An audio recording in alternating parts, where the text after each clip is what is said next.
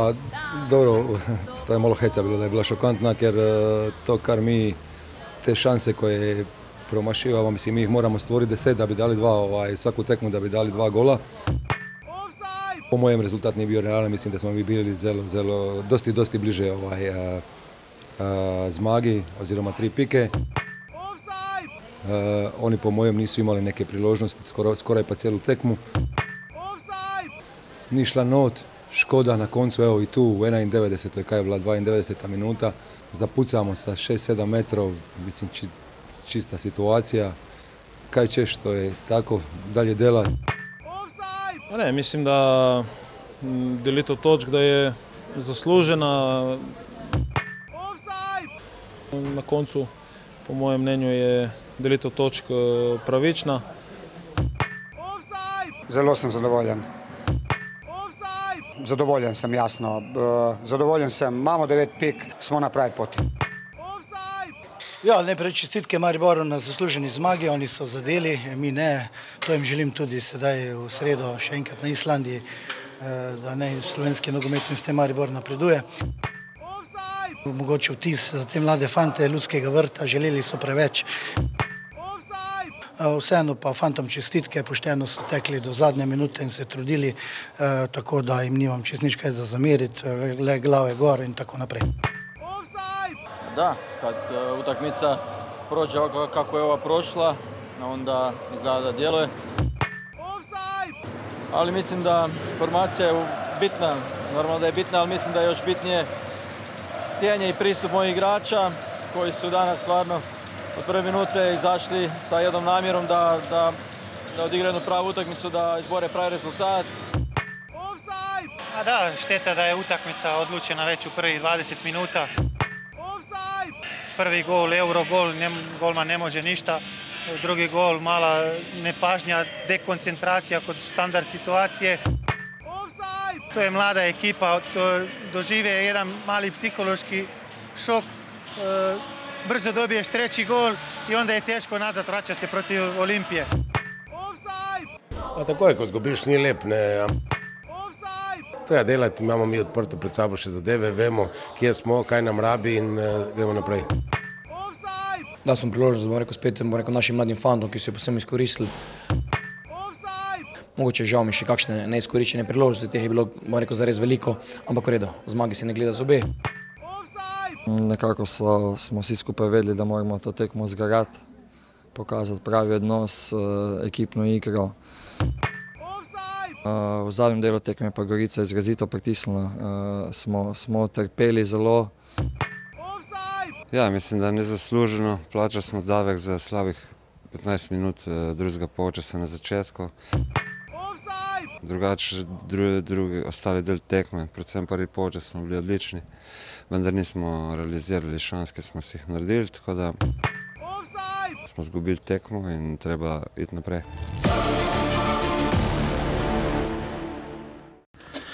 Drage offsetke, dragi offsetki, ljubitelice in ljubitelji futbola slovenskega, spoštovane, spoštovani, lepo pozdravljeni v 91. offsajdu oddaji o naši in vaši prvi ligi Telekom Slovenije in uh, pivu. Uh, kot vedno, najprej lepo pozdravljam svojega cenjenega sovoditelja, soavtorja, sokreatorja in uh, mojstra Gutenberga, ki vedno vse lepo natisne, uh, spoštovanega žiga, žiga, servus. Zdravo. Uh, žiga vam je, kot ste lahko videli, posredoval sliko in je tudi uh, tokrat uh, avtor naslovnice iz vzhodne tribune ljudskega vrta. Uh, pivo, uh, vse bomo danes ogromno govorili o nogometu, imamo krasnega gosta Marjana Pušnika, se je kar pošteno razgovoril. Uh, bomo tudi o nogometu, ampak da najprej povej, uh, pivo je prišlo na stadione, uh, mi smo kauč selektorski, naš logotip ima kar lep pridn pirbauh, tako da daj malo povej izkušnje, kak je bilo v Mariboru. Po devetih krogih bomo seveda uh, povprašali tudi vse vas ostale, iz vsega kluba bomo probali najti enega navijača, da bomo ocenili prvi del sezone in boste takrat več morda o tem povedali. Uh, Žiga, kako je v Mariboru, kako je v Ljudskem vrtu, kakšno je pivo? Super je, e, fajn, do, glih dovolj hladno. Pa tudi vidi se, da je bilo malo več ljudi, no se je pod tribuno zadrževalo že pretekmo. No. Po, po tekmi bolj se mi Po zdi. tekmi se tu, pač ostalo se tam, ja, ni se šlo na shod ali pa recimo že ven, pa ja. v bare, pač tam se je ostalo, pa še, še spilo kakšnega. No. Ker sicer eh, je bil to eden izmed najslabše obiskanih krogov po dolgem času. Ja, je ne. pa bilo smešno, vsak, ki si je kupil pir, je tudi slikal, pa pošiljal Tako da Ja, je vsak prednje naredil š- požirek, je vsak mogel. Pivo velja 2,5 evra, ne? Ja. Uh, je toplo, hladno. Toplo. Ne, hladno, hladno, hladno. Toplo je zdaj. toplo je zunaj, toplo bo zelo uh, ta konec tedna. Uh, Uh, ja, offset najdete na iTunesih, nekdo nam je ocenil ta teden, stisnil nekdo, ki nas pridne posluša, upam, da to še, st- a, ne mislim, da sem jaz. še kdo, uh, tako da tam stisnite, da bomo po lesici šli gor, to samo zato, da, nas vidi še kdo. Sicer pa se imamo kar nekaj športnih podkastov, teniški podcast je pri nas, uh, se ga splača poslušati, uh, v Sloveniji pa šport TV in tako naprej. Uh, tako da tu skušamo čim bolj nekako narediti nek komunit, tudi da bomo čim bolj športno ozaveščen narod. Uh, najdete nas na SoundCloudu, sicer pa na urbani.si pošiljnica offside, se najdete, uh, pišete lahko za vsa vprašanja povezana z kulinarično ponudbo na slovenskih stadionih, naslovite na žigo.kos, afna.gmail.com. Ja, točno tako. Ostalo lahko na mene, na jaša, pika, na jasa, pika, rencic, enaki naslov afna.gmail.com, najbolj vesela sem na offset, afna.urbani.si, delujeva pa tudi na Facebooku, kot zdaj vidite. Uh, najbolj vesela pa sva, če kdo seveda nas podpre, uh, zato da lahko greva uh, naslednji konec tedna v Dravograd. Še drugam proba. Še drugam. Uh, tako da to greste, pa tako da greste na urbani.si, pa še enica offset letos, kot rečeno, uh, res računamo na vašo podporo, uh, ker imamo kar neke resne načrte. Mogoče tudi za četrtek, za, za od Ljubljana, to še bomo videli. Uh, ampak v vsakem primeru, ja, pripravljamo 92. offset, bo na sporedu že v petek, spet evropski, kot sva napovedala, uh, malo prej, ker mora Jaša potem dalje leteti, tako da ne bomo žal morali postreči, kdo bo do tekmici Maribora in upamo tudi domžal uh, za zadnjem krogu, ampak v vsakem primeru v petek lahko pričakujete nov offset zadnjega evropskega, ste v redu poslušali, tako da ni razloga, da ne bi nadaljevali v tem tempu. Um, seveda, Maribor nam lahko pošteno, vsebinsko zakomplicira načrte, ampak bova zelo vesela, da bo lahko snemala evropske oddaje, tudi potem verjetno o Mariboru in ne mara tudi domžalah. Ne. Um, če bomo seveda prišli tako daleč. Uh, danes je torej na sporedu 91. offside, uh, v katerem se bomo pogovarjali o tretjem krogu prve lige, drugi teden bomo pa potem uh, na koncu začeli tudi z drugo ligaškim blokom, ker se konec tedna, nas prihodnega vikenda začne tudi druga liga, uh, 16-članska. Uh, je nič, bili smo v tretjem krogu, uh, po tretjem krogu imamo samo še dva kluba, ki imata tri zmage, to sta Maribor in Olimpija, in pa presenetljivo, to je še večji šok. Uh, Gorica je edina brez točk, še po treh krogih, uh, celje se je izvleklo, uh, ampak bo šla lepo po vrsti, tako kot hiša v Trsti. Uh, žiga greva najprej, uh, najprej povej, kdo je zimski strelec, jesenski strelec je. Škrbič. Okay. Uh, prva tekma, uh, zdaj moram reči nekaj, zato da bo sledil oni ton. Upam, da vam je to všeč. Povejte, upam, da vam je to všeč. Povejte nam, če, se vam, uh, če ni teh jinglov preveč, je, jih bomo skinili, ampak naj zdaj kar jingl zapoje.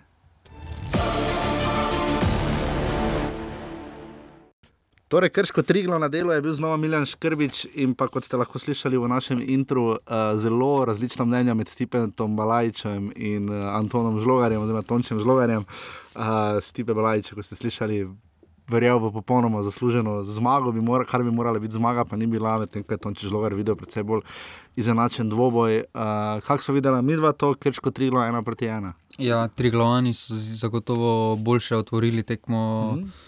Tudi so imeli pobudo, boljše priložnosti na začetku, vendar eh, s časom tekme je krško prevzemalo pobudo. To ne gre zanikati. Eh, Gol, pred golom Škrbiča je gol že visel v zraku, skoraj da. Imeli so nekaj obetavnih priložnosti že pred tistim zadetkom. eh, Po zadetku so mogoče imeli kakšno pol priložnost, vendar dobena stran ni imela neke smrtne priložnosti po tem, po tem golu, no, Škrbiča. 1200 gledalcev se je zbralo po podatkih žige Kosa na stadionu Matija Guvec. Uh, Kocke sem štel. Kocke si štel. Uh, kaj reči, sodil je Slavko Vinčič, naš mednarodni sodnik iz Maribora. Uh, kaj reči, uh, penal je bil malo hiter, no? uh, sicer v posnetku se zelo, zelo slabo vidi. Meni se je sicer zdelo, da je žoga bolj nabila, klemna šturma je pa res, da je pač preprečil neposredno, neposredno uh, tra, trajektorij žoge. Tak. Evropski kriterij je to, Jaša. Ja, sem pozabil, pardon. Se smo videli za nič, da mi razkomino, ampak v vsakem primeru 11 metrov, kaj je to, iz tega je dal 3 gol. Ja. Uh, zabije poplatnik, uh, Matej. Nadaljuje svojo serijo iz druge lige. No. Serijo iz druge lige, gre za seveda prvega streljca druge lige, mislim, 15 golov. 15 uh, kaj reči o Krškem? Ne? Krško je, tu je imel Balajč prav, je imelo vse sodeč po Halajcih več priložnosti. Ja, kot kaže, tudi malo tekem tekme, če, si, če je bila priložnost za pogled, če si je kdo pogledal, se je lahko videlo, da si Krško te zmage se je zdelo, da si malo bolj želino, da je malo bolj motiviran, eh, več energije so vložili, več teka. Eh, na vse zadnje so tudi v priložnosti prihajali lažje kot pa Triglav. Ja, mogoče bi lahko ocenila, da je tu vendarle se Triglav nekaj naučil, ne? boljše, boljše vzeti točko kot dober vtis proti Mariboru. So morda se bolj odpirali, eh, želeli bolj na koncu zadržati zmago in ostali brez točk. Ne? Zdaj so odnesli točko, ne da bi. Uh, ponudili kaj več kot dveh strelov v okviru gola. Ja, tukaj je bila skoraj že nujna točka proti neposrednemu tekmecu za obstanek, kot se je pred sezono že napovedovalo. Je bil to dvoboj dveh konkurentov za obstanek, eh, tako da v primeru zmage Krškega bi Krško bežalo že za pet točk. Eh, kar pa je, ni, neka, ni, ni velika razlika, je pa vseeno razlika, ki jo tekom prvenstva težko spraviš notno. Miljan Škrbič ima pet golov, vseh pet za krško je zabil. Ja. Kar je zanimivo pri krškem, je, da imajo štiri točke in da so dobili šest zadetkov. Uh, kaj reči tu o krškem? Krš, te, mislim, da se bo pokazalo, ko bodo igrali z res boljšimi od sebe. Uh, z žalami, Mariborom in Olimpijo, ampak kaj reči Miljanu Škrbiču? Vsekakor eh, se je trenutno pokazal kot zelo izvedljiv napadalec. Vidimo, da je vseh pet zadetkov dosegel na neki različni način, z glavo, z nogo. V bistvu mu je odhod do Filipa Dangoviča koristil. Ne? Ja, kot kaže, Očetno. mu je zelo prijel, pa tudi s Tončim Mujanom, Mujanom uh -huh. se zelo ujame, tako da tukaj je dobra navezana. Ja, vsekakor smo zanimivi. Jaz osebno sem pričakoval, da bo krško predvsem bolj padlo, glede na odhode, uh, tudi trenerske menjave in tako naprej. Ampak uh, za zdaj moramo reči, da krško s temi štirimi točkami zmaga, remi in poraz deluje zelo stabilno. No? Se ja. vidi, da imajo, da so tretjo sezono med prvo ligo. Ja, no. tukaj je prva tekma je popravila vtis uh, trenutno, vendar če bi na prvi tekmi bilo kaj drugače, bi sedaj bili na eni točki. Tam so res imeli srečo, da so Gorico nabasali v ja, Evropskem ritmu. Torej, krško tri glav, ena proti ena.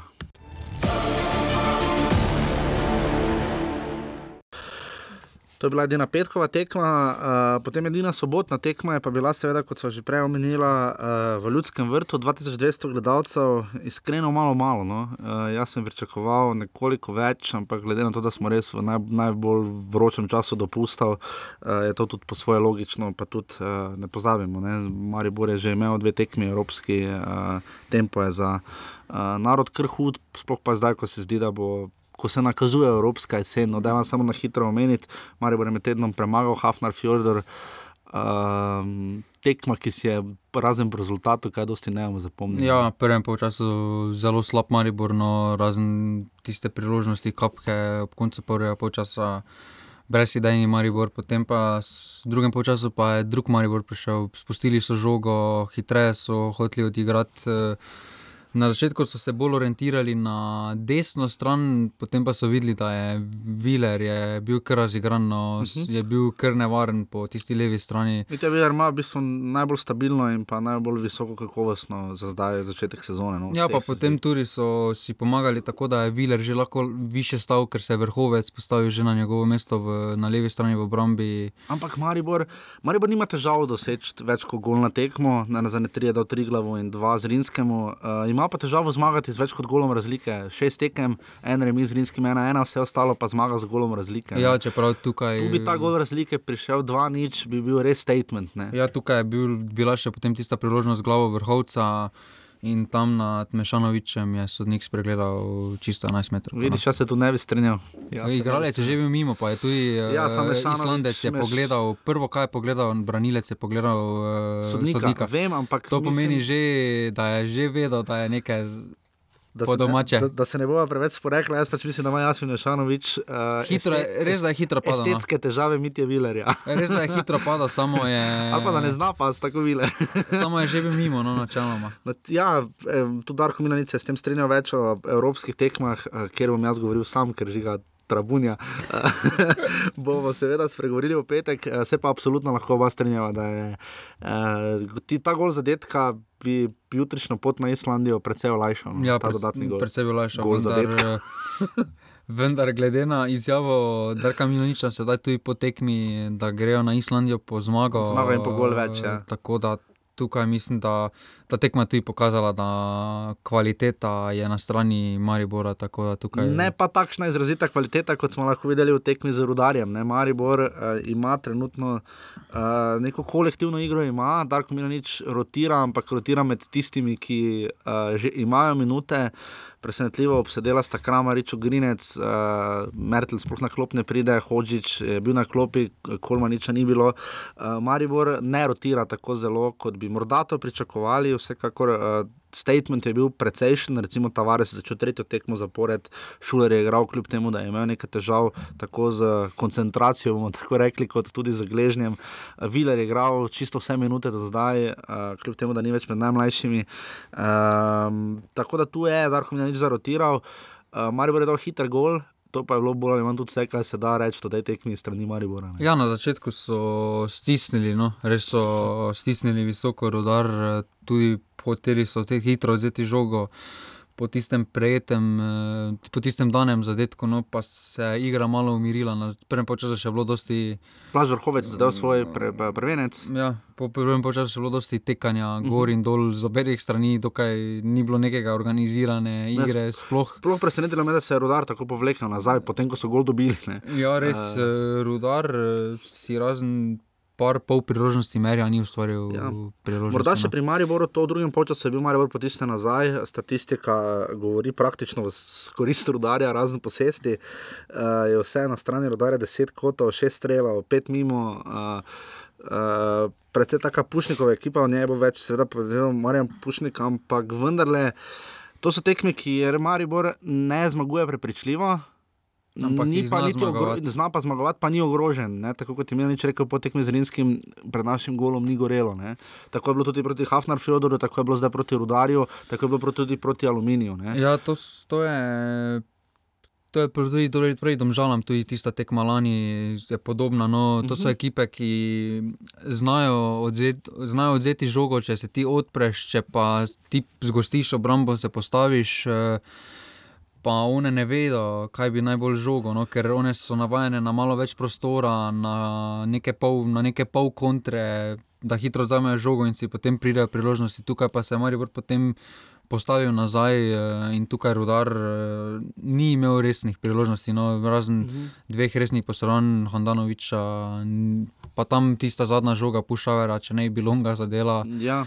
Bi Ja. najverjetneje končala. No. V golo, ja. A, Sicer Pušaver in Vukliševič neke perfektne tekme ravno nista. Ne, Pušaver je svojemu- enkrat lepo proti jugu centriral. Centriral skoraj do tretje gimnazije, eh, pa Matej Radan je spet imel svojo. Tam je Pušaver pa dal. Žuto minuto, eh, kjer je žoga skočila čez nogo. Eh, Dobro, se je tudi golman Everdina lani, ampak na južni strani, tokrat je bilo to na severni.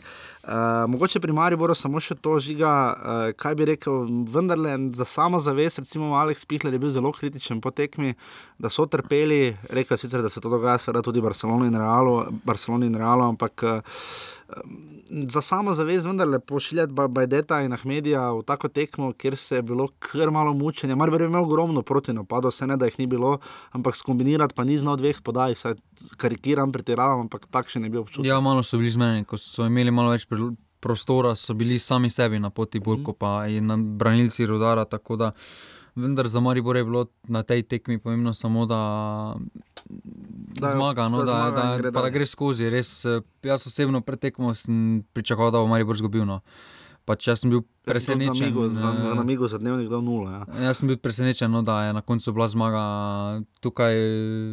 Tudi na vse zadnje, Maribor je takšen štart imel tri zmage, tri tekme. No, iz leta 2014-2015 to tudi pove, pač, da se Maribor po leti se koncentrira pač na Evropo, predvsem ne, ko igralcem ne toliko fizično, predvsem psihično.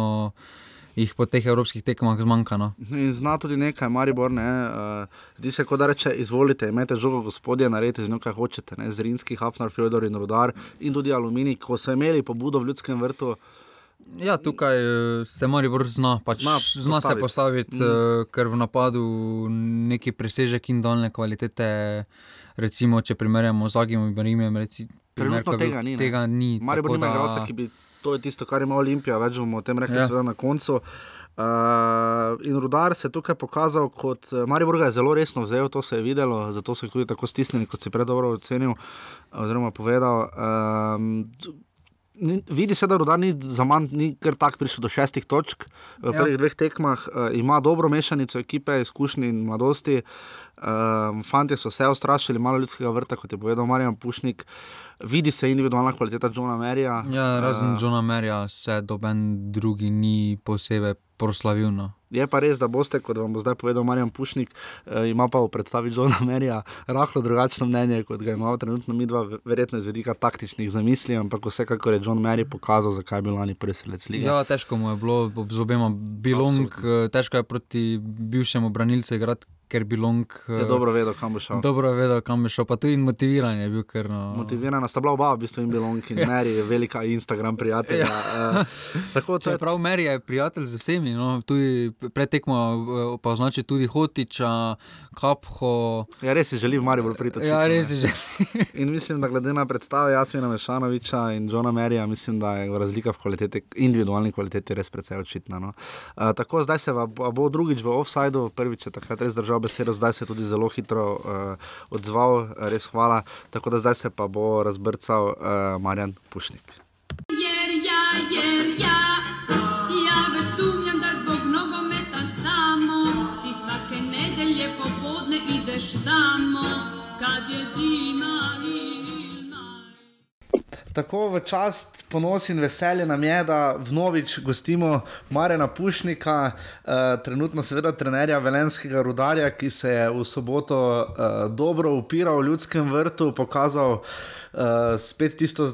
Tradicionalno pušnikovo, kot bi lahko rekli, agresivnost, uh, moštveno, in pa seveda, ki je začelo, rudar je začel zelo dobro z dvema zmagama v letošnji sezoni. Tako da lepo pozdravljeni, gospod Pušnik. Ja, lepo zdrav vsem vašim poslušalcem, tudi vam seveda. Uh, gospod Pušnik, uh, kako je zdaj uh, šest točk, še imate, seveda te, te ne bodo šle stran, zelo dober uvod v sezono, uh, kljub premešani ekipi, uh, kljub temu, da je Brudar šel, se zdi čez poletje, če kar čez eno tako tranzicijsko zgodbo in dobro opiranje v Mariboru. Kako zdaj po treh krogih vidite Rudar Velenje? Ja, nič kaj je drugače kot prej. E, kot ste sami dejali, moštvo je dobro prenovljeno, kar 13 ali 14 igralcev je odšlo, jasno, mogli smo poseči po mladih silah, če lahko tako rečem. E, e, budžet kluba, se pravi, proračun e, je zelo zmanjšan. In na to, da je odšel glavni sponzor in da nekih novih, e, novih sponzorjev zaenkrat, če v klubu ni.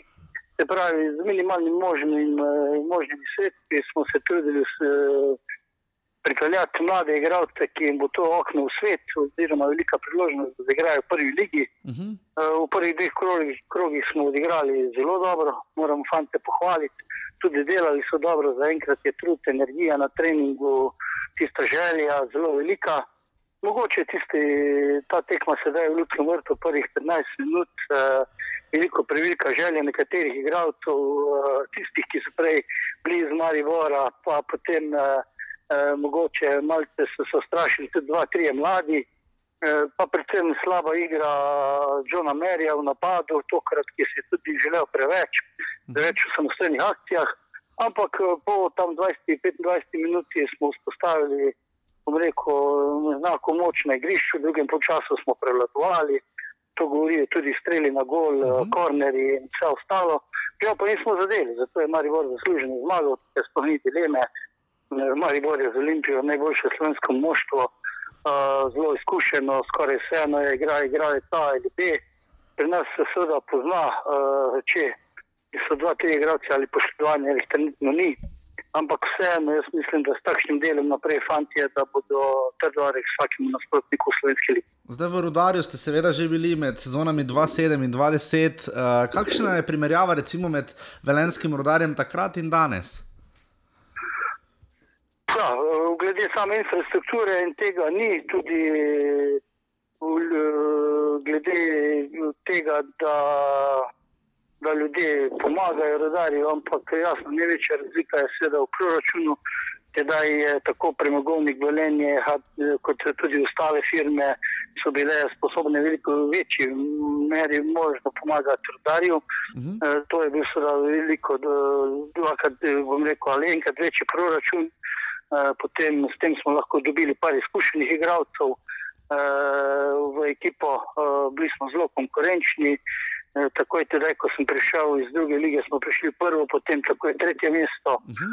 uh, tako da sedaj je to tista glavna razlika. Uh, jaz upam, da s časoma se bodo, se bodo te zadeve tudi uredile. Uh, to predvsem zaradi tega, da se dvigne kljub na večji profesionalni nivo, glede organizacije, logistike, zdravstvene službe in vsega tistega ostalega, kar so drobni kamenčki v mozaiku, do tega, da lahko ti mladi fanti imajo idealne pogoje za delo. Kako so vam predstavili zgodbo, ko ste se odločili in se vrnili na nek način v Velenje na stadion ob jezeru? Nekako smo, bi, nič nas ne bi presenetilo, če si glede na izkušnje, recimo na zadnje iz Olimpije, bi si nekaj časa vzeli spet prosto od slovenskega nogometa. Kako so vas prepričali, kako so vam predstavili zgodbo v Velenju?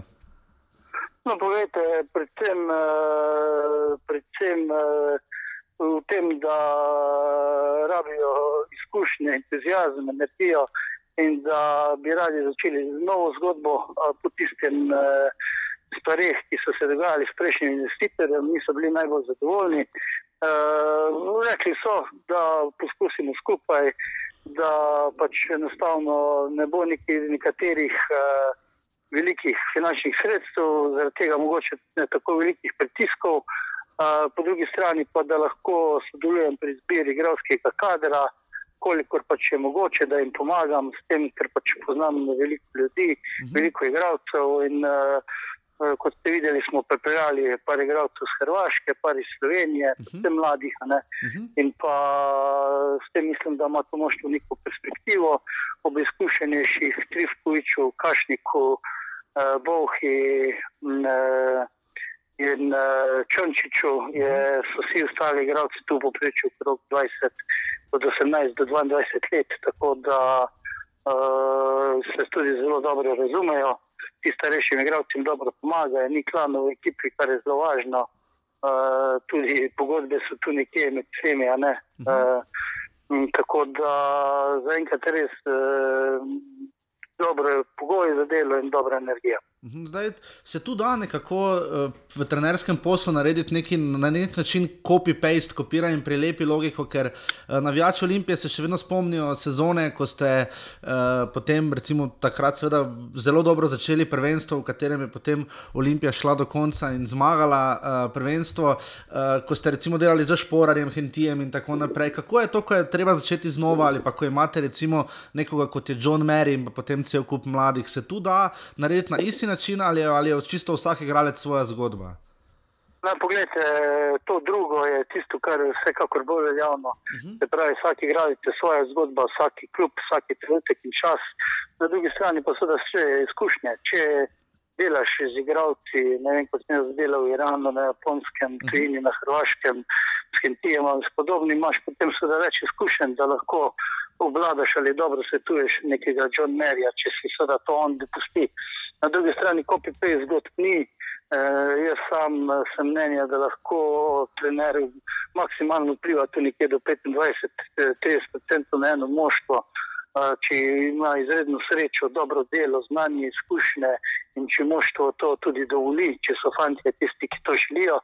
Na drugi strani se razmeri odloča kvaliteta igralcev in igralcev sami na igrišču mi, trenerji, menedžerji, kakorkoli, športni direktori, pa smo tisti, ki lahko s svojimi izkušnjami v veliki meri njim predvsem pomagamo. Jaz pa zmeri rečem v sločilnici, da sem jim na voljo 24 ur na dan in da ne vzamejo tiste izkušnje, ki jih imam.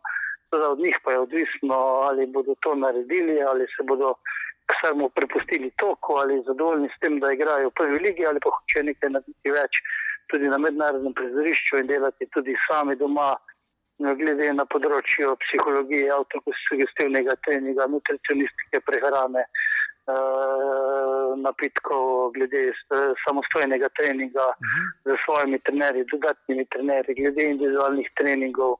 Tisto, kar mi treniramo šestkrat, sedemkrat na teden, to je le mali del, to je le kanček, delček v mozaiku profesionalizma. Vse, kaj več morajo ti fanti postoriti, če hočejo hoče uspeti.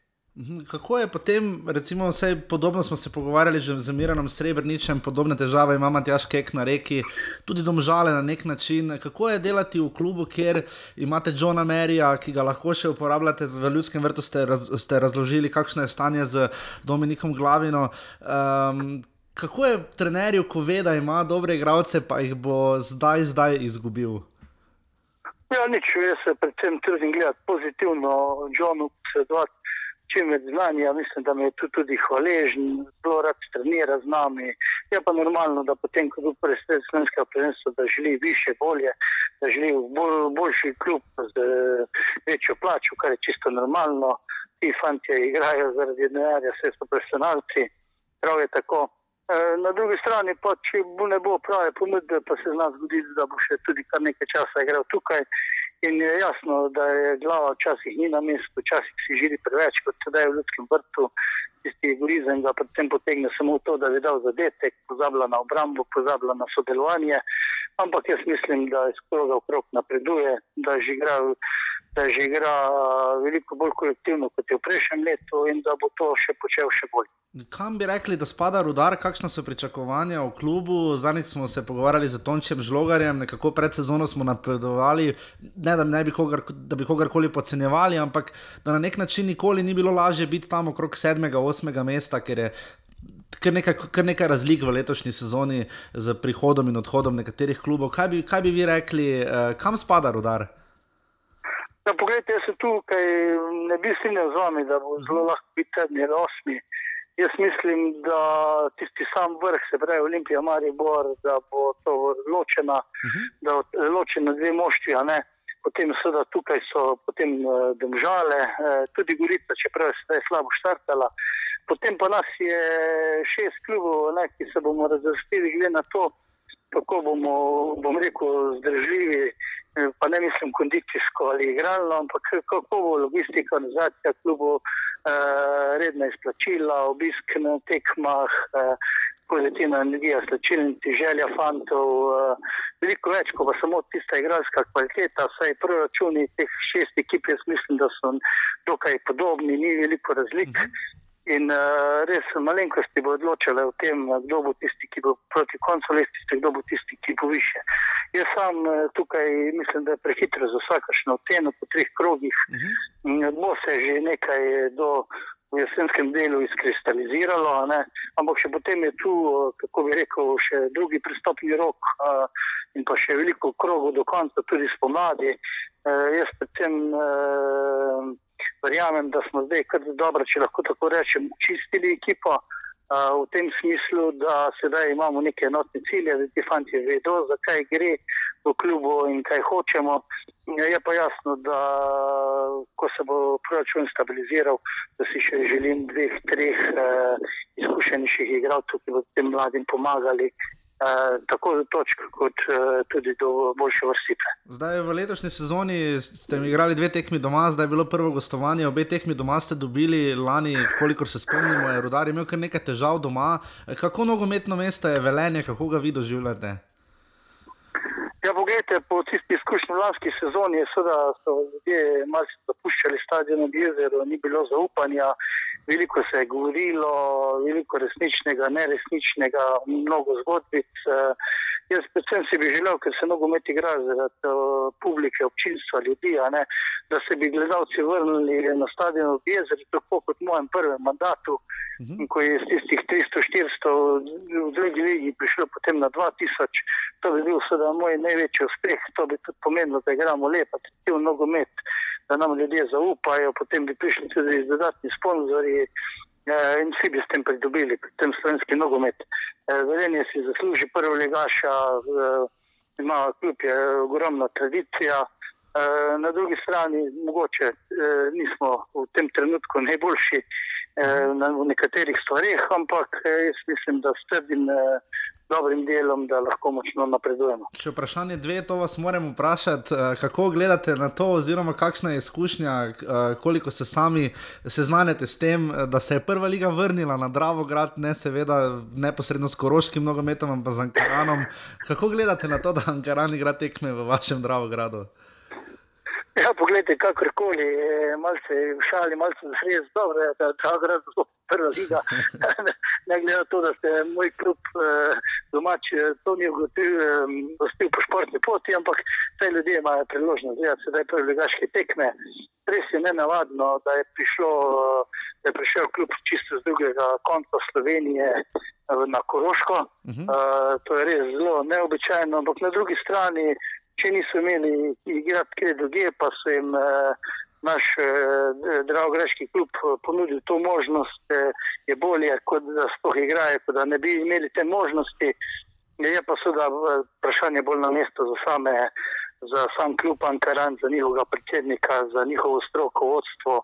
Uh, jaz sam to ne bi ocenjeval, jaz gledam samo športnega vidika, da pač eh, ljudje Dravogradu radi pridejo in pogledajo tekmo pred. Kaj bi rekli, eh, jutri bo deset let, kar je Zlatko Zahovič prišel v Maribor kot športni direktor, takrat ste bili trener, seveda vi, enka Maribora. Zdaj je bila izkušnja, v soboto ste bili eh, zelo vpeti v tekmo, se bom tako izrazil. Eh, Pogledali smo se posnetek, tam ste se več kot upravičeno razburili, tam je bil avt popolnoma za rodar, ne za Maribor. Eh, Ampak kakšna izkušnja je v ljudskem vrtu, tu zahodne tribune, Eh, ljudje vas poznajo, ne, ne dogaja se pogosto, da bi domači navijači klicali gostujoče trenere po primkih, vas tu poznajo, ampak kaj mislite, po čem vas najbolj poznajo, kakšen občutek je, ko se vrnete v ljudski vrt, to, da ste z Mariborom kar nekaj stvari dosegli, ali to, da ste bili trener Olimpije? Ne? Ne, poglejte, jaz kot trener v slovenskem prostoru sem seveda profesional. Ko sem bil trener Maribora, sem bil to vsem dušo in srcem in uh, jaz mislim, da so ljudje to spoznali, da so spoštovali, da sem imel z uh, Violom zelo dober odnos, tako z drugimi navijači.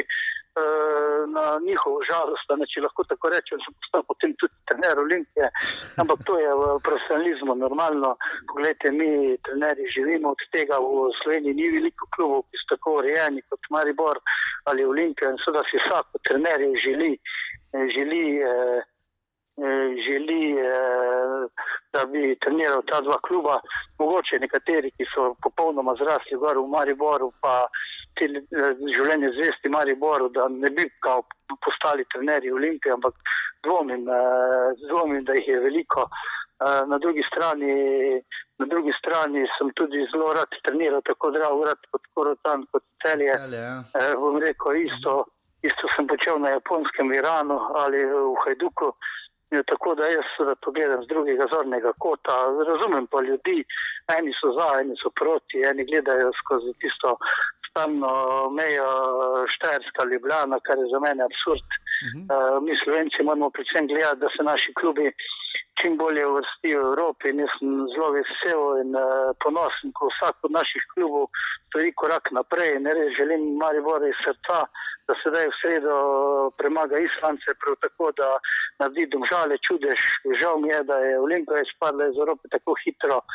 eh, Ker sedaj se kaže, da je to dobro moštvo, uh -huh. mogoče je bilo tisto vse prehitro za njih, uh, ampak to je samo dobro za slovenski nogomet, če igramo v Evropi.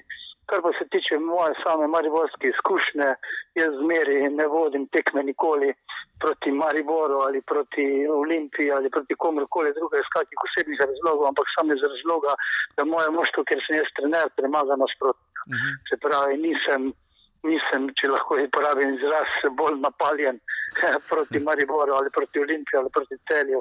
Eh, to mi je res čisto vseeno. Tukaj ni prostora za neke neumne emocije v tem smislu, da se zdaj, ker tri točke so tri točke in uh, jih usmiš v ljudskem vrtu ali za beži gradom, je čisto vse.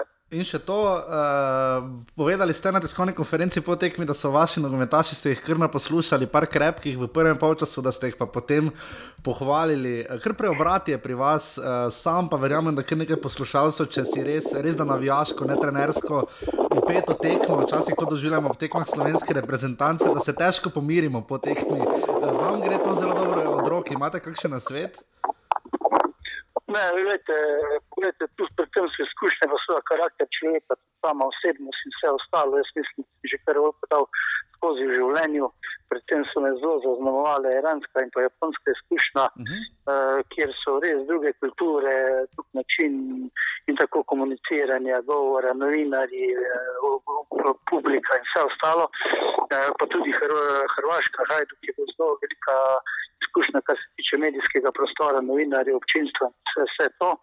E, tako da tukaj ne, ne bi se s kom primerjal, vsak ima tukaj svojo pot. Uh -huh. Jaz pa mislim, da fanti rabijo tako korenček kot palico, če lahko tako rečem. Včasih je treba tudi povedati, kako krepko, na drugi strani je treba bolj lepo hvaliti in spodbujati, da bodo še boljši, da bodo boljši igrali. In to mislim, da dobra beseda dobro mesto najde. E, nisem nikoli za kakšne kazne ali rigorozne stvari, razen če ni nekih ekstremov. Uh -huh. Par kratkih pa sem tokrat povedal pol časa, predvsem zaradi tega, ker so fantje niso spoštovali taktičnega dogovora, nekaterih stvari, eh, ki smo dejali, da bomo prepustili pobudo Mariboru, da ne si v neko centralna bolnica Bilong in Šuja žogo podata med sabo in da me nič ne moti, če je posest 30, če je to na njihovi polovici, ker si igralci pod, pač podajajo žogo. Uh, kot ste sami videli na tekmi, veliko priložnosti strani Maribora ni bilo, uh -huh. rada ni imel posebnega dela. Se pravi, tukaj je bilo dobro, ampak v vezni liniji nekateri niso uh, čisto razumeli ali spoštovali dogovor, zato da sta tako Tavares v prvem času, kot potem tudi še kateri drugi igralec preveč prihajala med linije. In pa zadnja dva vezna nista bila prita Mariborova, kot smo se dogovorili. Potem, ko smo stopili bliže, je bila igra čisto druga. Prevzeli smo pobudo, imeli žogo, bili smo nevarni, žal po zaključnih akcijah uh, smo bili preveč neatančni, kar pa pripisujem tudi neizkušnjam na dosti. Eh, nekateri igralci morate vedeti, da prvič igrajo tekme prve lige, kot so bili Tučič, Biol, Vizinger, uh -huh. eh, Radič, eh, nekateri so še tukaj tudi zelo neizkušeni. Tako da je pričakovati pri zdaj še veliko takšnih sponov in pacov, se pravi, da igrali bomo super, super tekmi, pa da tudi kakšne take, ko bomo čisto zatajili, kar pa je pričakovano. In še to so to izkušnje, če si bilong in šuler dolgo žogo podajata, vse veste, potem uh, ljudstvo, navijači v ljudskem vrtu postanejo malo živčni. ja, gledajte, to ni moje za ocenjevati. Uh, To je del vsakega taktičnega črta, enega, drugega trenerja. Jaz se tu taktiko drugega moštva ne bi spuščal, razen te meri, koliko pa se tu svojim igralcem kaj naj počnejo. Gospod Pušnik, najlepša hvala, da ste bili vnovič naš gost. Čim več sreče in uspeha Velenskemu rodarju in vam tudi v nadaljevanju ja. sezone. Najlepša hvala za klip, le tako naprej še z vašo vdajo in vse dobro. Hvala, nasvidenje. Srečno, adijo. Jer ja, jer ja, ja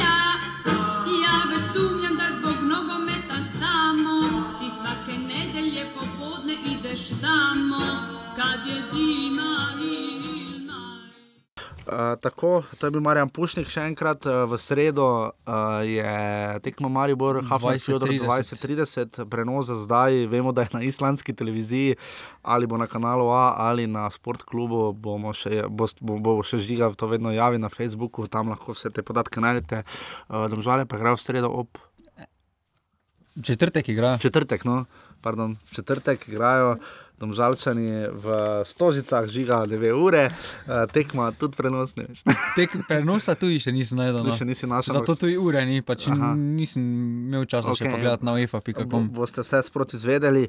Uh, v vsakem primeru držimo, držimo pesti, kot je tudi na koncu povedal Marjan Pušnik uh, za oba naša preostala kluba. Res je lepo Pušnik povedal, no, zanič tako na televiziji, kot potem na tiskovki. O uh, tem, da si pa želi, predvsem iz vidika koeficienta. Ne. Je pa res, da si je žiga prav. Ne. Slovenija ima 13.125 koeficient, Liechtenstein pa 10 ur, 500 in malo večjega kot Mačarska, tako da toliko o koeficientih. Uh, ko smo pri koeficientih, ta izrazito raste, uh, vsaj iz vidika uh, nastavnicah za nastavnicah naslov za naslov prvaka uh, nogometnemu klubu Olimpija Ljubljana. Olimpija Aluminij 4-0, vsega je bilo konec po 19 minutah, Aluminij še ni zabil gola, mislim, da v Ligi v Stožicah. Um, Pokalo so dali, mislim. Pokalo ja, v, v Ligi pa še ne, v, torej to je bil za tretji obračun. Ne, v ja, tretji obračun v Stožicah. Ja, prej takrat Olimpija Bolni, ne, ali, ja, v Stožicah je bil to tretji obračun. Uh, v Stožicah tretji obračun, Olimpija in Aluminij. Uh, Aluminij se definitivno boljše znajde proti Mariboru, tu je Zavrič bil bolj sparing partner, Zavrič je tu bolj nudil odpor tako obema. Ja. obema. Aluminij pa ima, razen tiste, seveda, nepozavne tekme spomladi, ko pa je res tovke Olimpija vsake 3 minute časa.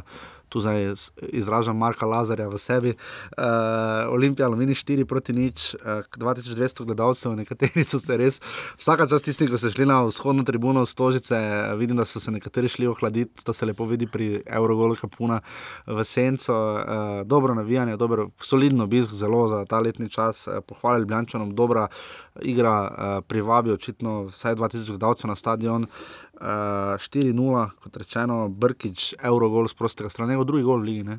Ja. Uh, že to prvega je dal tam, mislim, proti celju. Proti celju, uh, to je iz prostega strela, ta pa je bil še lepši. No. Ta je bil še lepši, Janžekovič to res ne imel. Kaj mrdat, uh, pri Bajričevem golu bi Dino obramba tam lahko bi, boljše bila prva dva gola, sta malo poceni, prej ta se ena ta standardna situacija, no prvi gol res, golma nima nič. Uh, ne more, no. Vendar drugi gol je pa standardna situacija, ki Tud, bi aluminij moral malo boljše odreagirati. No. Pri tretjem golu uh, tam sta sodelovala Savič in pa ja, Abbas. tam tudi obram, obrambni je. Pa še individualna kvaliteta Saviča prišla do izraza hitrejše je bil. No. Ja, vendar tam je uh, branilec uh, aluminija se že postavil za, za Abbasom, pa je ga je pazil. Ka, po, ne, Ja. Potem pa je Abbas uh, samo priletel, pa z enega metra porinjeno. Tako da tukaj je individualna kvaliteta obeh. Po mojem oceni najboljši igralec Olimpije trenutno je Isa Habas. Je Definitivno. Moje mnenje, no, ampak mislim, da se živa strinja.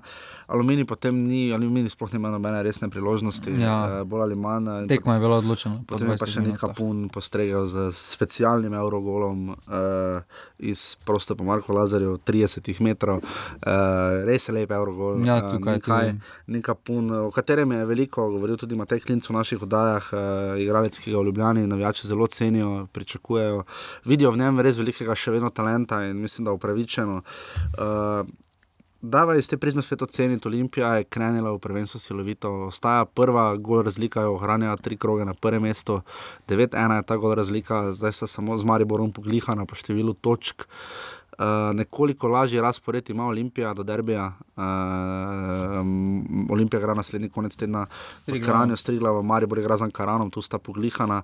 Uh, je pa res, da ima Maribor potem domžale, ne? Olimpija ima pa rudar. Uh, v petek, potem pa še pred derbijem igra Maribor z Krškim, Olimpija pa z Ankaranom, potem pa derbi. Tako da uh, tu vsekakor se mi zdi, da čaka, da ima Maribor nekoliko težji razpored, poleg tega pa dvojno fronto. Ne? Ja, tukaj- Ampak Olimpija, um, kaj reči, no, njihova ja. individualna kvaliteta, ko jo je Igor Biščan znal povezati v sistem, je Olimpija postala strahovito, na, strahovito naporen klub, ki ti niti ne da možnosti, da bi karkoli naredil proti njim. Ne. Ja, tukaj uh, smo po tisti evropski tekmi bili malo skeptični, zakaj niso dobene do, do, do, dodatne tekme odigrali, glede na to, da so še novince pripeljali, vendar, eh, kot kaže, so se v klubu pravilno odločili za Če to. bodo prvaki, pa če so vzeli tekmo z vaso kot, pri, kot pri, priprave, ne, Ja, eh, vendar se bo išlo. Ne. Individualna kvaliteta nikoli ni bila vprašljiva no, pri Olimpiji, tukaj je bila samo težava povezava v celoto. Kako to povezati, da deluje kot ekipa, sedaj so, eh, deluje zelo stabilno od zadaj in to jim daje tudi mirnost eh, v napadu, da lahko više pritiskajo, posebej Abbas tukaj veliko stori s tekom. eh, Tako da tukaj eh, bo imel eh, Igor Biščan sladke in kisle skrbi, no, ko bo pa- Vomberger prišel, Ja. ja. ker vseeno to je različen tip napadalca kot pa Abbas. Abbas je hiter, Hiter. dosti teka, energije vloži, medtem ko Vomberger, vsaj po posnetkih, koliko smo jih videli tek preko YouTuba. Ni takšen tip igralca, no, ima drugačne kvalitete kot uh, Abbas, ima kvalitete, da ne, bodo, da ne bo kdo to narobe razumel, uh, vendar uh, trenutno Olimpija največ pridobi iz tega Abbasovega pritiska. Ki res visoko pritiska skupaj s Savičem, pritiskata na branilce in, in, in onemogočata igro nasprotne obrambe, tako da potem pa hitro odzeta žoga in takoj prideš v situacijo za golno. No, ja, Juan Vaslebo, seveda najbolj zadovoljen s tem, da prihaja Andreas, Andres, Andrej, no, v bistvu Andres Vomberger. Ne mora biti Andrej, če zdaj slovenec. Ja, no, pač bomo videli. Uh, v vsakem primeru to žiga mi morda malo povej, uh, kaktora so se Apau, Čanadžija, Brkič. In pa Savič, ne, štiri igralce, ki so prišli letos, ne, oziroma med poletnim prestopnim rokom, da se, da se tako dobro ujamejo.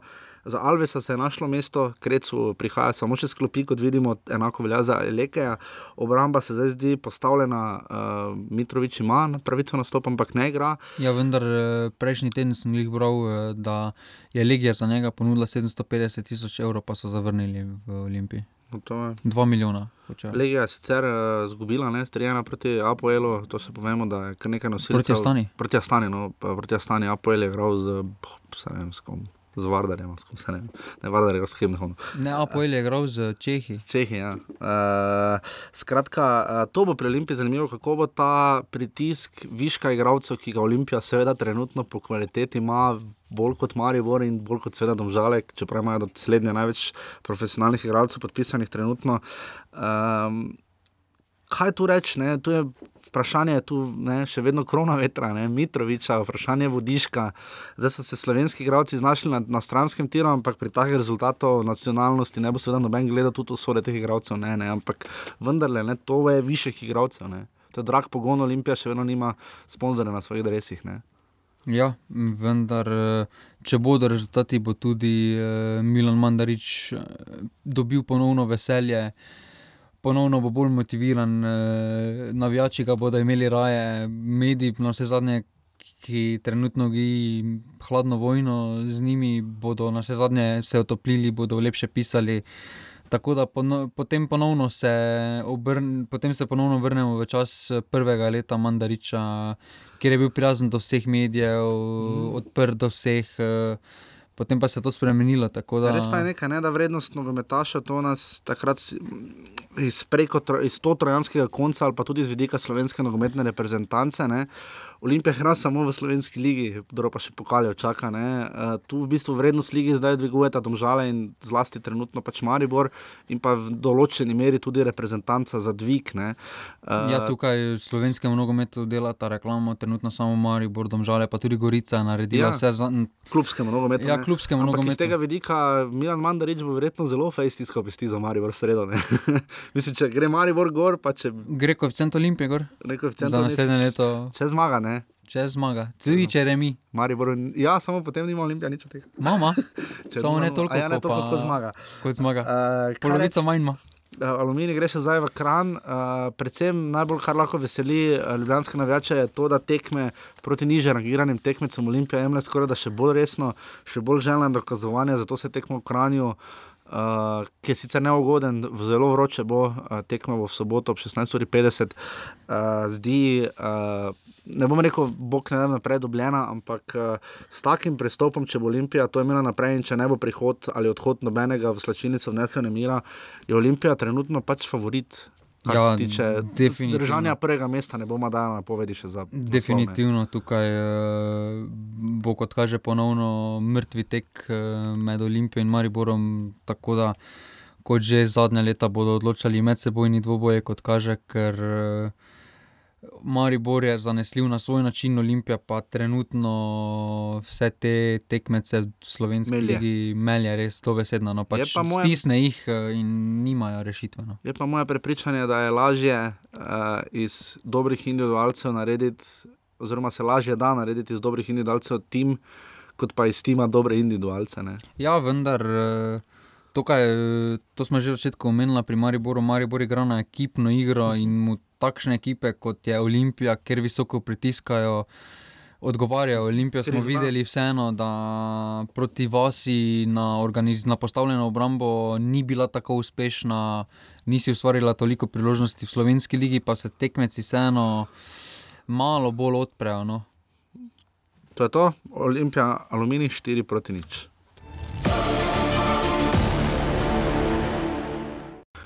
Prvič je bila po dolgem času prva liga odprta za javnost, tudi v Dravogradu, 250 gledalcev se je tokrat zbralo. Je- Nekaj je eno. Ja, nekaj je samo. Koroška že dolgo ni. Ja, to, je, to je res, ampak ne morem vprašati, se, če bi bila v Mariboru tekma, Ankarandom žale, bi šel na tekmo. Ja, ne bi, ne. Ja, no. Žoge bi jaz pobiral. No, to bi, uh, v vsakem primeru 250 gledalcev se je zbralo na tekmi, kjer smo. Uh, ker nas je zanimalo, kako se bodo domžale tokrat odzvale po, uh, na gostovanju po evropskem ritmu, ker se v vodnem krogu pri Rudarju niso so izgubili, uh, ampak izvrstno, kljub temu, da so prejeli hiter zadetek, uh, klapan je zadev v peti minuti. Potem pa se vidi, jaz mislim, da vlada Bažima čaka ogromno dela, po mojem, več na igrišču kot ob njem, uh, ker njihova obramba. Zdi se sicer pritiska ogromno, da so imeli devet strelov in Ankaran tistega enega, ki je šel gol. Um, ampak vsi zadetki so bili bolj ali manj v kazenskem prostoru. Uh, res, da je zelo lepa podaja, Ana Repasa, Lauro Bizjaku, fenomenalna podaja za prvi gol, ampak in drugi in tretji gol. Pa, uh, sicer tretji gol je bil izven kazenskega prostora, ampak sta bila res slaba obramba. No, in mislim, da Ankaran. Uh, Po tej poti, sicer imajo točko z prvega kroga doma z Triglavom, ampak po tej poti mislim, da jih eh, primerjavi s Triglavom bolj čaka soda Radom no, kot Krškega. eh, Na dolgi Ja. rok. Ne. Mm, Tukaj Ankaranu s to kvaliteto, s tem kadrom, se ne piše nič dobrega. No. Vseeno so tisto točko osvojili proti. Dokaj srečno proti Triglavu. Mhm. Takrat je Triglav prevladoval, napada, ja. imel večje priložnosti, eh, pa igrali so na vse zadnje Ankaran doma. Mhm, ja.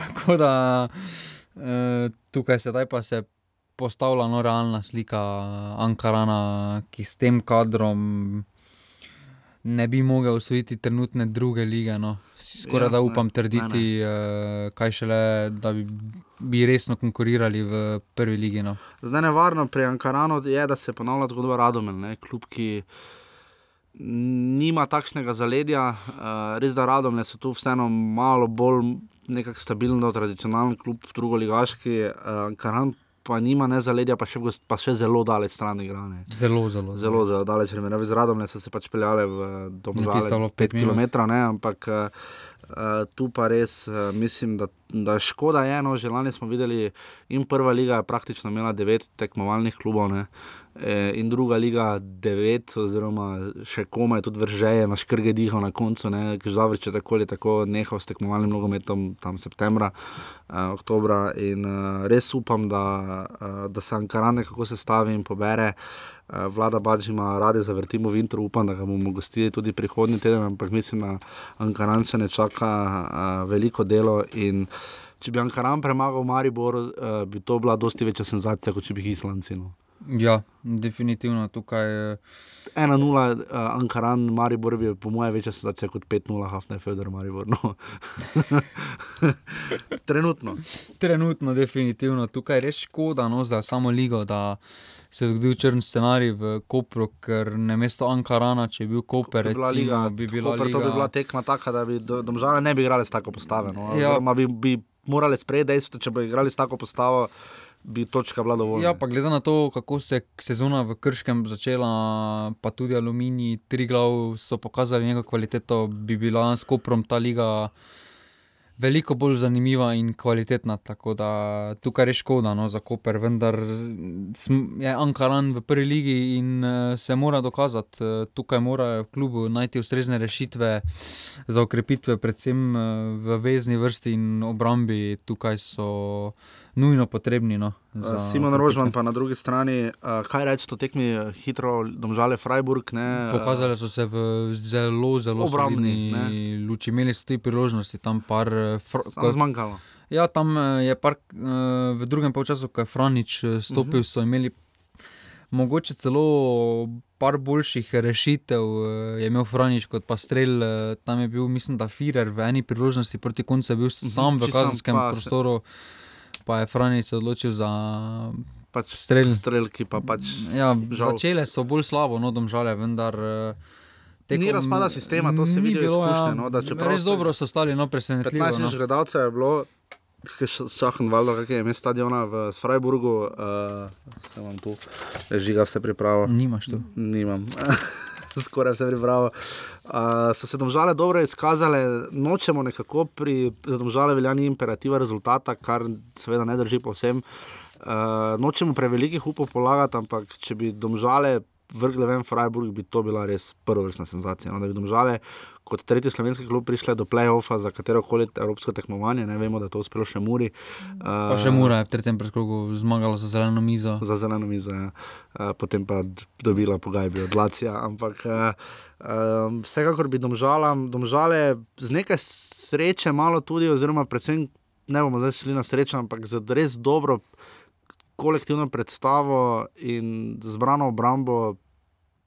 Imajo možnosti. No? Ja, tukaj eh, mora iskati rešitev. Ne bi si mislili, da bo tako odprta še ta tekma. Ja, tukaj domžale morajo najti rešitev, da v primeru, da zabijajo zgodni zadetek, da jih ne sme ponesti euforija, da se ne sme preveč odpreti proti Freiburgu, vseeno bo.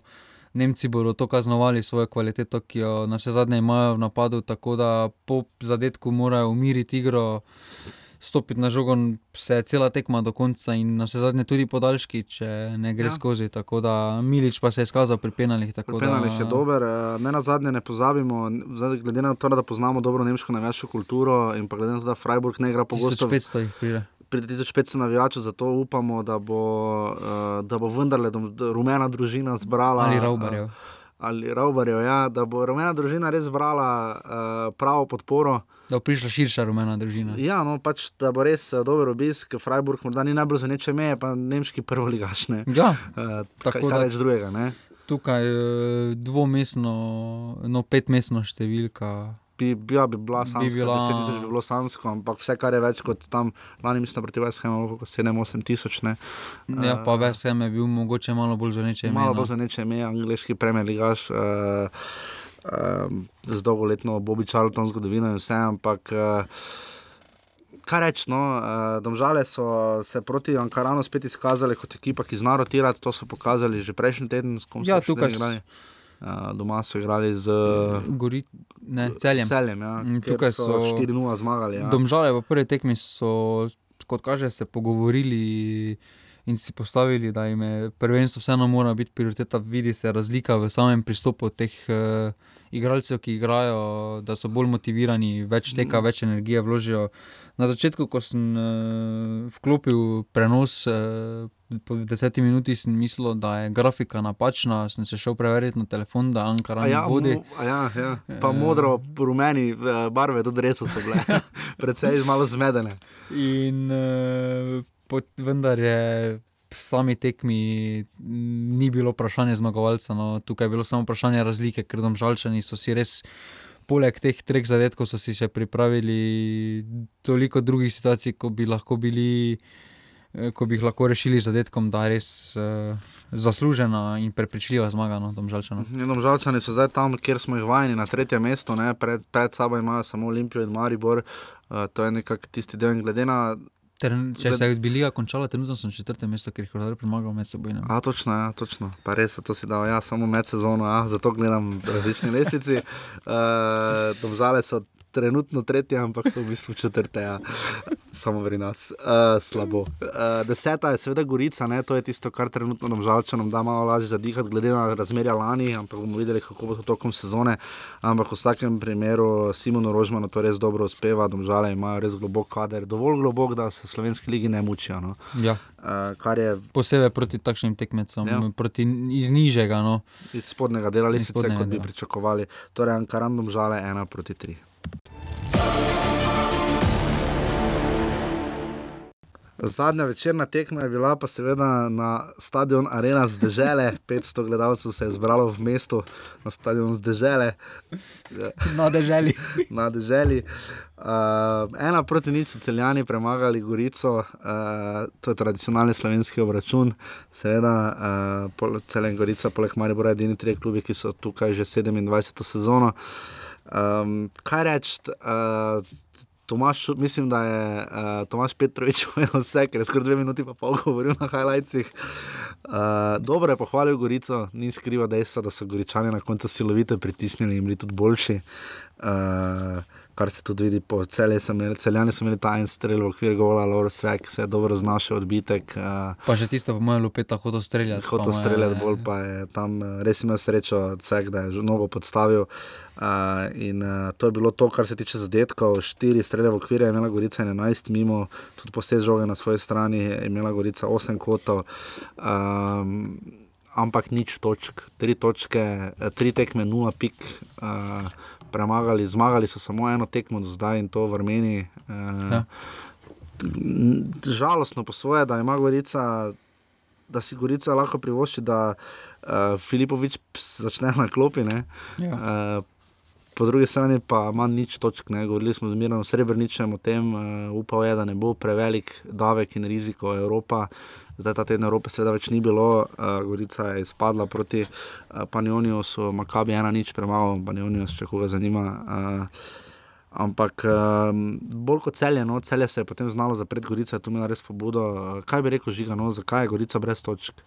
Ja, tukaj so padli v slab momentum in uh, takšnih trenutkih bi res potrebovali Burgiča no, ali pa nekega izkušenega, ja. ki bi znal potegniti garderobo za sabo, da dvignejo glave in grejo naprej. Eh. Imaš občutek, da je sorčan z mislimi, kje druge, jaz imam.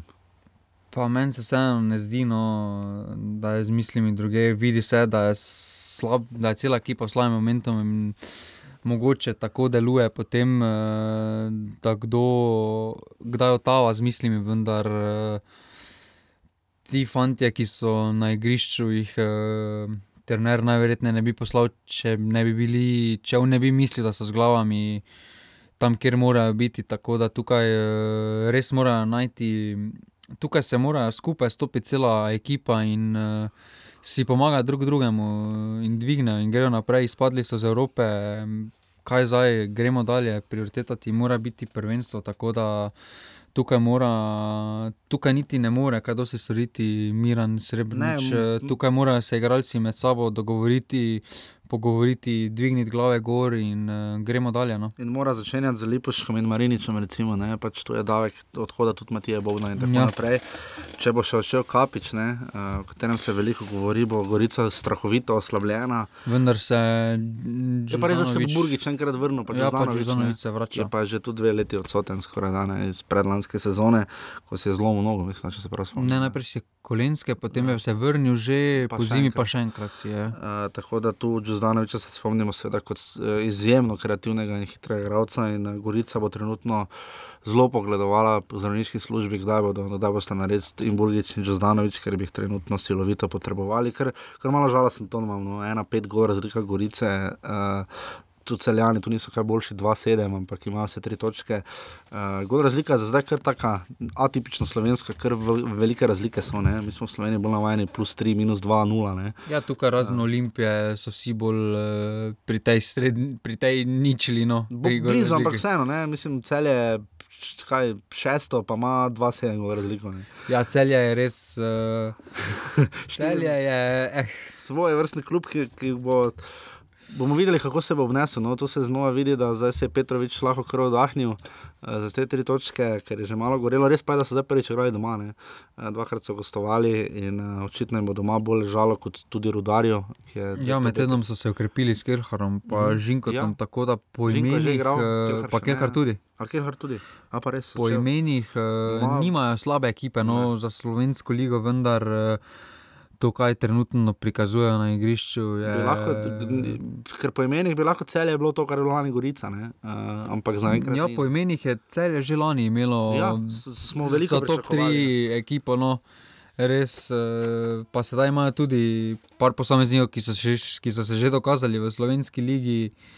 Tako da tukaj je res zanimivo, da na igrišču tako izgubljeno in slabo izgleda. Mogoče bo sedaj z prihodom Kelharo, Kelharja Žigona, v obrambi eh, malo bolj stabilni postali in bo cela ekipa s tem, vendar to, kar so prikazali v treh krogih, je zelo slabo no, ja. So pa zmagali in to je bilo dovolj, da je celje premagal Gorico z ena proti nič.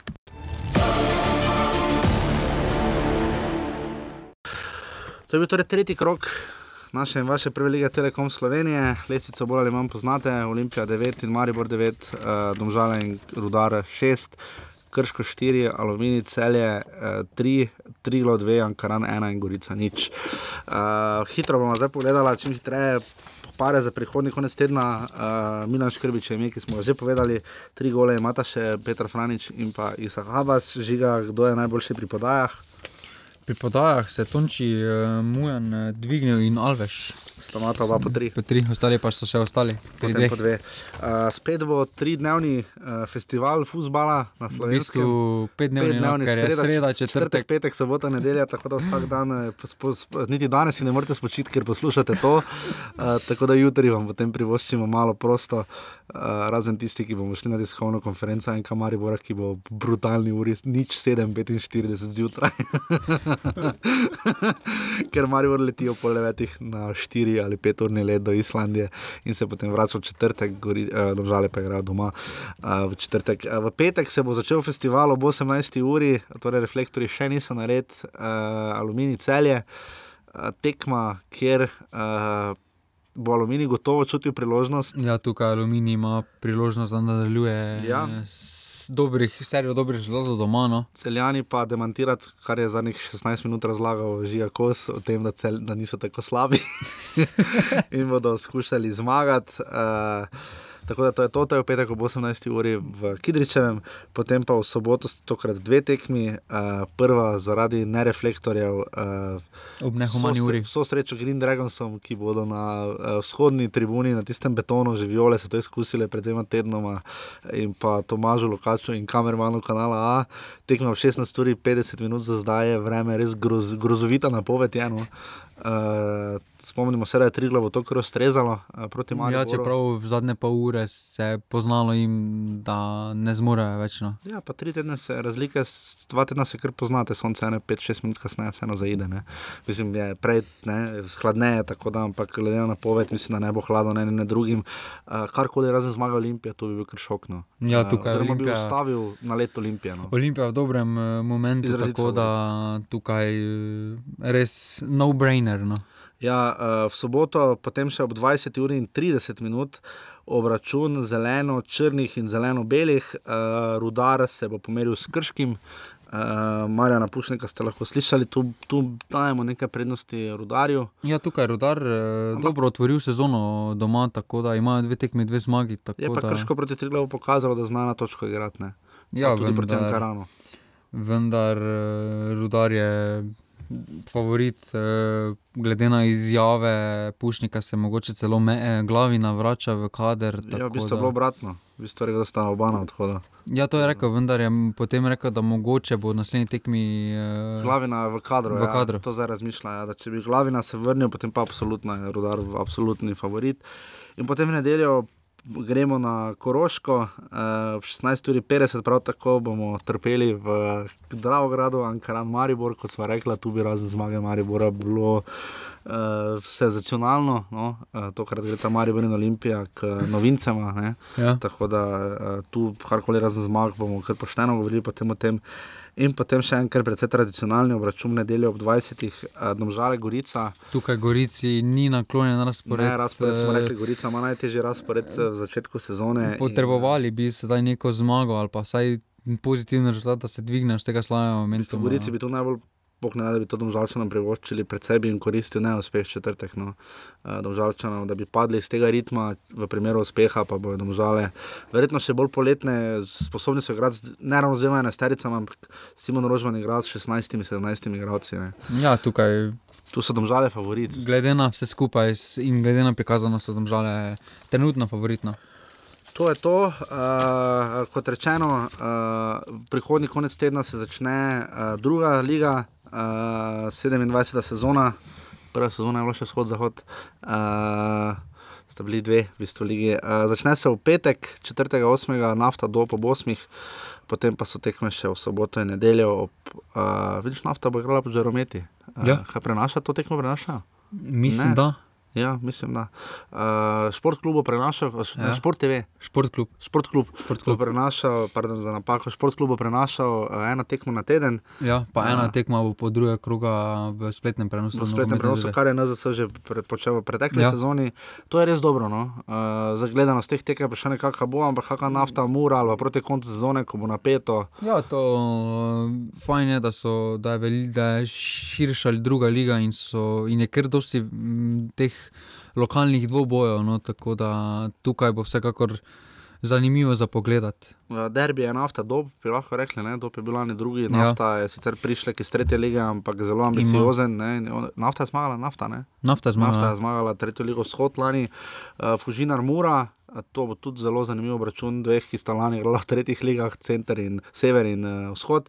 Radom je tabor Sežana, uh, ne sojen, oziroma Radom je bo igrala zdaj končno doma. Uh, Rogaška, bravo, tudi zanimiv dvoboj, uh, tudi dveh, ki sta prišla Iz- gor iz tretje ja. lige. Uh, Veržej, dekani, uh, tudi dekani so gor, ne? Ja. ja. Vrže je ostal, kran, drava, zarica, to je še lanski dvoboj. Je še lanski dvoboj, In pa Ilirija Krka, ne? to bo zelo zanimivo videti. Ilirija ima kar poštene načrte in potem še Brežica Brdo. To, kar se tiče druge lige, tretja liga se pa potem začne, mislim, še te- Konec, zadnji teden avgusta. zadnji teden avgusta, ko je tudi derbi, oziroma ne, prej se začne, 19. pa 26. potem so že uh, tekme. Uh, tako da v vsakem primeru uh, tekme so dane naprej, derbi je 26. avgusta, če sem prav rekel, v nedeljo. V nedeljo, v nedeljo ob V nedeljo ob 20:20. 2020 na kanalu A. Uh, do takrat, seveda, najbolj držimo pesti zdaj v sredo za Maribor proti Hafnar Fjordorju, Fjordorju in pa Domžale proti Freiburgu. Uh, in pa petek, pa te mi da prijemo zadajo, novo, uh, absolutno pa ne smemo pozabiti enega bolj spektakularnih tednov. V petek bomo povedali tudi Maribor, rekel naš tanco še offside proti Hafnar Fjordorju, mislim, da pet. Pa tudi nič manj zdaj v ligi in suvereno prvi, Maribor ima 14 offsajdov, tri jih je naštancal 6. Tako konec tedna jih ima 10, Olimpija jih ima 8, celje 7, Rudar 6, potem s po petimi, Gorica, Ankaran in Aluminij. Krško ima enega na tekmo, torej tri domžale pa ostajajo pri tem enem offsajdu. Kar je zelo zanimivo, glede na to, da so tako um, tekaška, hitra, mlada ekipa z dosti zadetki. Ne. Ja, vendar eh, domžalčani bolj so močni v odzemu žoge in tam bi bilo zelo presenetljivo, če bi se offside znašli. No. Tako kot Luka Zahovič, ki je kar pogosto tam. Uh, to je to, če se znajdete v offsajdu, nas uh, lahko podprete, no, še enkrat na urbani.si pa še vica. Offside, uh, Evropski offside 92 bo na sporedu v petek, 4. augusta, torej ta petek, 93. pa potem vse o ligaškem tekmovanju v ponedeljek. Uh, se kar trudimo, ne? Ja, Tempo sledimo tempotu. Tem, tempo tu. tempotu. tempo tu. Če se znajdete v offsajdu, To pa, to je. Ja. to pa je to, gotovo je. To je to, potem je gotovo. Ja. Uh, Maribor je dolgo iz offsajda.